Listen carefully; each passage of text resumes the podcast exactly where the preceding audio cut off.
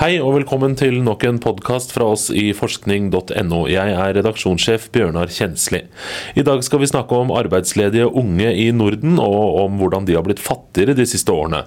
Eh, vi skal også snakke om Universitetet i Oslo, som skulle ansette en professor i forskningsformidling, men som nå har snudd. Men aller først skal vi ut i verdensrommet.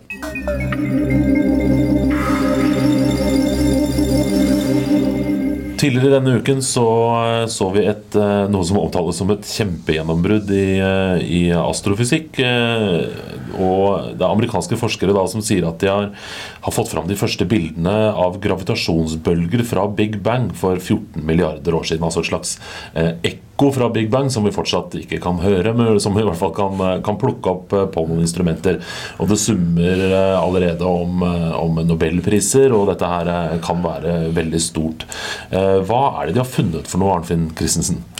De har altså funnet spesielle egenskaper ved det som kalles denne bakgrunnsradiostrålingen, som ligger som en slags radiohvisking overalt i verdensrommet. Uansett hvor du retter radioteleskopene ut mot kosmos, så hører du denne hviskingen.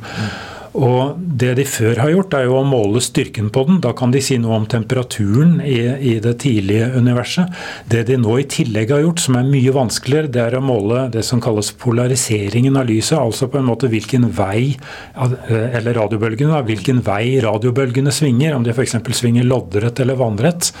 Og så har de funnet noen sånne spesielle virvel, virvelformede strukturer i denne polariseringen som de mener er tegn på det som Albert Einstein i sin tid postulerte, nemlig at både tiden og rommet kan lage en slags eh, bølger pga. tyngdekraft, altså gravitasjon. Mm.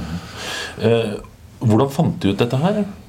De fant det ut ved eh, nitidige målinger eh, gjennom eh, flere år. Og de har holdt kortene veldig tett til brystet. De har til og med ikke turt å kommunisere disse opplysningene til hverandre med vanlig e-post, av redsel for å bli avlyttet eller avlest, får man vel heller si. Så de har klart faktisk å holde dette her hemmelig helt til det ble presentert på en pressekonferanse ved Harvard universitet i begynnelsen av denne, denne uka. Mm. Og hva, hva, betyr dette her? Altså, vi vet jo sånn cirka, tror vi, hvor gammelt universet er. Og, og eh, vi uh, har jo en formening om at det hele startet med et big bang. Så, så er, det noe, hva, er, det noe, nytt her? Det, hva, hva, betyr dette her? Ja, sagt, Det er på en måte litt sørgelig, på samme måte som da man oppdaget at Higgs-bosoner faktisk finnes. Mm. Å oh, ja, det finnes. Ja, vi har trodd det finnes. Ja, det finnes. Mm. Så det, det, det, er liksom ikke noe nytt og helt revolusjonerende. Men det eh, kosmologene sier allerede nå, er at eh, selv om man har funnet noe man trodde man kanskje ville finne, så oppfører det seg ikke akkurat sånn som man hadde tenkt. Det er noen størrelser som er litt annerledes, og, og kosmologene begynner allerede å snakke om at de må file til noen av brikkene i det store kosmiske puslespillet. Og det er jo helt fantastisk. altså hvis det som de nå har sett sporene av, det er eh, rett og slett en utvidelse helt i begynnelsen av universets eksistens. Da utvidet universet seg eh, Altså Den utvidet seg så enormt at i løpet av bare brøkdeler av et sekund så ville et hydrogenatom bli 500 ganger større enn solsystemet vårt. Okay. Altså Det er en sånn utvidelse som det bare får til. Og, og, og du kan si at en så stor utvidelse den går fortere enn lysets hastighet. Og lysets hastighet skulle jo egentlig være en absolutt grense for hvor fort noe kan gå. Så noe av det dette her løser, det er et mysterium som forskerne ikke helt har skjønt. Det er nemlig at når de ser i alle retninger av universet, så er det ganske likt. Men det er det at eh, hvordan kan det være likt når de forskjellige delene av universet eh, er så langt unna hverandre at eh, de ikke kan kommunisere hverandre, selv om de bruker hele universets alder. Mm, mm, det har de, denne enormt raske utvidelsen, raskere enn lysets hastighet, kan forklare at det likevel ser ganske likt ut i alle retninger av universet. Ja, men da har Einstein både rett og han tar feil, uh, ifølge de nye altså, oppdagelsene? De tror vel ikke at han tar feil, men det kan som, som sagt hende at enkelte av små parametere i disse enormt kompliserte ligningene må justeres litt. Mm. Tusen takk skal du ha, Arnfinn Christensen.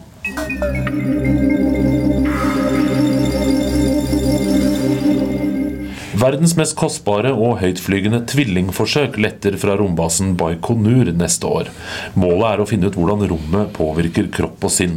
Og journalist Arnfinn Christensen, hva er dette tvillingforsøket for noe? Ja, Det er faktisk noe så unikt som to amerikanske eneggede tvillinger som begge har vært astronauter tidligere på den internasjonale romstasjonen. Og nå skal en av dem på nytt opp i rommet, og den andre skal bli nede på jorda. Og så skal de gjøre omtrent de samme medisinske forsøkene på begge to. Ja. Så det blir en sånn tvillingstudie, og det er et begrep vi kjenner fra, fra medisin og annen type forskning, hvor man studerer tvillinger. Hva, hva, er det som er så bra med sånne tvillingstudier? Jeg snakket med Ragnhild Ørstavik fra Folkehelsa om dette. Hun arbeider med tvillingstudier der. og Det spesielle med det er ikke bare det at eh, de to eneggede tvillingene har helt like gener, men de har også gjerne hatt den samme oppveksten, den samme bakgrunnen. og Det gjør at de, både når det gjelder arv og delvis også miljø, blir så like at hvis du gjør en eller annen kontrollert forskjell med, mellom en av dem og den andre, sånn som man her gjør med de to eh, tvillingastronautene, så vil man kunne mye sikre si at forskjellen i resultatet skyldes du, den, den, forskjellen eh, du har gjort med dem, nemlig her at den ene i rommet og den andre fort, fortsatt er nede på jorda. Mm. Altså, gjør det mye lettere å sammenligne istedenfor å sammenligne f.eks. deg og meg, eh, som ja. er ganske forskjellige. Da kunne du hørt mange andre ja. ting som gjorde at det ble forskjeller på oss. da. Ja, skjønner. Eh, men når de da skal sende ut eh, denne ene Scott, eller Mark Keller den ene Ja, det er Scott, Scott som skal opp, ja. Skal ut i rommet, eh, og han andre skal være på jorda. Eh, og det å reise ut i rommet er jo eh, en tøff påkjenning eh, og gjør mange ting med kroppen. Hva er det de egentlig skal se etter da, eh, de som skal gjøre undersøkelser på skott i rommet? Ja, og Nå har de prioritert beinhardt, da, for de fikk inn over 40 forslag til eksperimenter. De har valgt ut ti av dem. Og Et interessant eksperiment er f.eks. å finne ut av det som de har oppdaget på flere astronauter, at de får synsforstyrrelser. Det, det har f.eks. vært astronauter som har måttet begynne å bruke lesebriller for å kunne se, nyte utsikten eh, fra denne kupola gjennom vinduene ned på jorda og se jorda fortsatt skarpt. Og de tror jo at dette kommer av at når du er i vektløshet, så begynner kroppsvæskene å stige opp fra beina og lage økt trykk inni i eh, øyet og, og påvirke synsnerven. Og en del av disse forandringene i synet er faktisk fortsatt eh, Det har ikke gått helt tilbake etter at astronautene har kommet ned igjen. Så det er noe de skal undersøke. Eh, så skal de eh, gjøre målinger av blodet for å finne ut eh, bl.a. disse telomerene, som jo er på genene våre, som blir kortere og kortere jo eldre vi blir. Om det faktisk er sånn at de telomerene blir påvirket når du er ute i verdensrommet. Og de skal også undersøke dem psykisk for å finne ut om evnen til å orientere seg i rommet forandrer seg i verdensrommet. Det er jo ganske kritisk når du befinner deg i vektløshet og faktisk lever på mange måter et mye mer romlig liv Eh, enn på jorda. da, mm. I tre dimensjoner. Han Scott som skal opp i rommet, skal han være der oppe lenge? Han skal faktisk være der oppe ett år, og det er jo ikke akkurat verdensrekord. Det er uh, sovjetiske kosmonauter annet, som har vært oppe i over 400 dager. men uh, det er lenge for en veteran som Scott Kelly. Han begynner jo å trekke på årene og har gått opp i 50-årene. Så det blir spennende å se hvordan han klarer seg så lenge opp i verdensrommet. Til neste år altså skal det skytes? Til neste år, ja. I mars neste år. Ja. Tusen takk skal du ha, Arnfinn Christensen.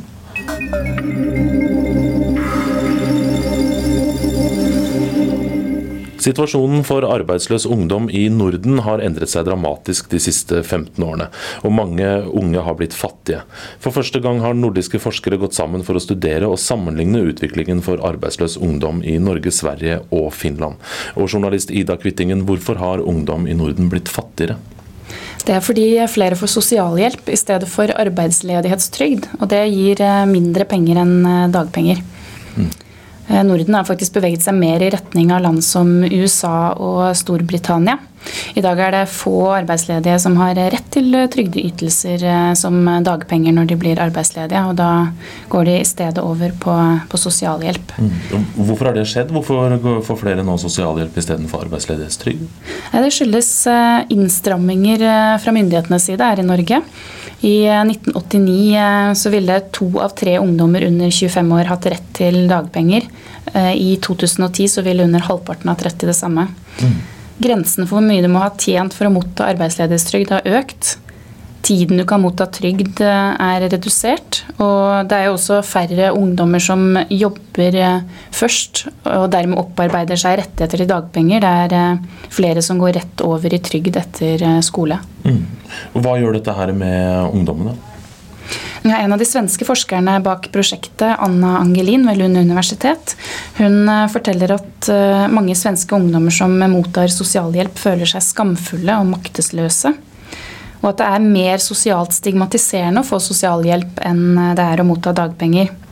Og Det kan jo skyldes at det er en behovsprøvd rettighet. altså At du må møte opp på Nav-kontoret og fortelle om livet ditt og få det vurdert før du kan ha rett til penger. Mm. Mens eh, arbeidsledighetstrygd er jo noe arbeidsledige har rett på uansett inntekt. Og da trenger du bare å levere inn et skjema. Mm. Så er sosialhjelpen som du sa, mindre penger også. og arbeidsledighetstrygd er en litt mer sånn midlertidig ordning, eh, føles det kanskje som. Ja, og det å være fattig gjør noe med selvtilliten til ungdom også, mener Angelin. Mm. Tusen takk skal du ha, journalist Ida Kvittingen.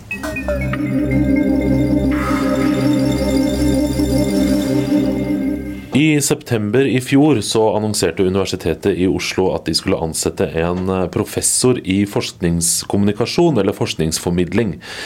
Eh, og alle hjerter gledet seg, men så kom det en eh, melding i går om at de snur, og de trekker utlysningen. Og, og folk har jo søkt, og, og, folk har trodd at dette skulle bli noe av da, helt fram til i går. Redaktør Nina Kristiansen, hva skjedde for noe? Ja, Det som ser ut som en helt vanlig utlysning, Eh, hvor de krever eh, professorkompetanse og kompetanse innenfor det feltet professoren skal jobbe.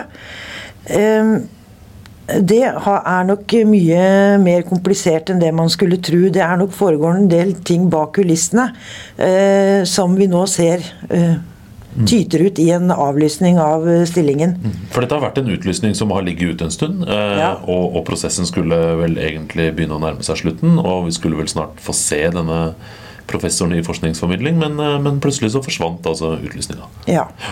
Ehm, det er ikke en liten ting å utlyse et professorat. Der jobber folk lenge med å sende søknader. Du skal sende vitenskapelige verker og sånne ting. Og du har en bedømmelseskomité mm.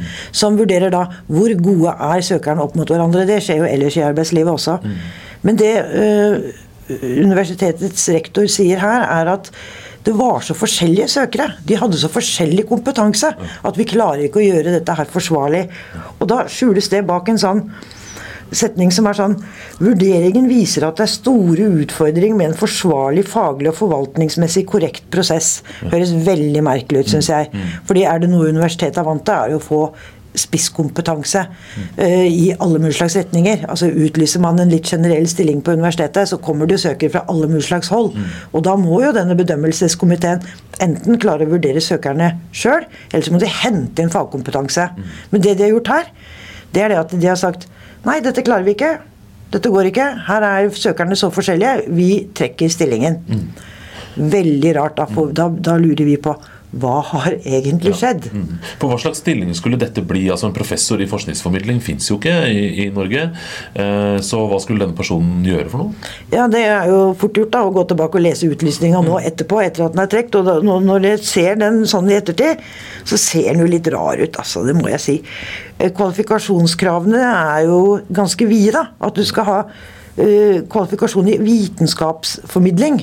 Da tenker man jo litt journalistikk, eller kanskje litt medievitenskap, eller litt forskningskommunikasjon.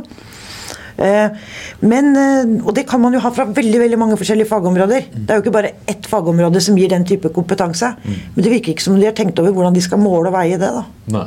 Men eh, det var 28 stykker som søkte på denne jobben, og vi må gå ut ifra at en del av de faktisk ville ha den, og at de ble ganske skuffa nå som denne utlysningen ble, ble trukket tilbake. Hva, hva, er det noen av søkerne som har vært ute og sagt noe?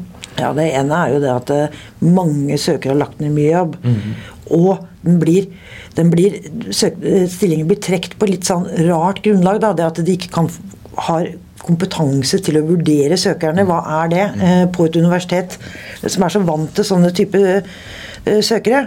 Så nei, eh, Jostein Gripsrud bl.a. går ut i Udiforum og sier at eh, han har brukt masse timer på å søke stillingen. Det har sikkert veldig mange av de andre søkerne gjort òg. Og det er klart at de er skuffa. De syns det er klønete og klumsete. Mm. Ja, for hvis ikke Norges største og høyest ranka universitet kan vurdere disse søkerne, hvem kan vurdere disse søkerne da? Nei, da kan, de, da kan ingen det. Men, men, men, man må nok gå tilbake, da. Kanskje lage en litt mer spesifikk uh, utlysning. Og det er kanskje der egentlig kampen går. For det er jo det vi er nysgjerrige på. Hva foregår bak kulissene her? Mm. Er dette her en omkamp? Mm. Er det noen som vil ha inn sine interesser? Mm. Er det sånn at naturviterne nå uh, roper om at nei, dette her skal være en professor hos oss, og ikke på medievitenskap f.eks.?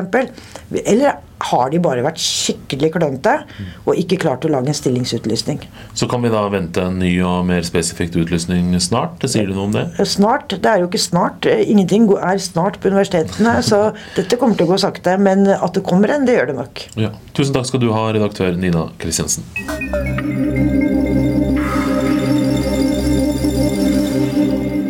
Sakene om de unge fattige arbeidsløse i Norden, og om tvillingforsøket i verdensrommet, og ekko etter Big Bang, samt Ninas kommentar om Universitetet i Oslos forsøk på å skaffe seg en professor i forskningsformidling, kan du lese på forskning.no. Vi er tilbake med en ny podkast i neste uke.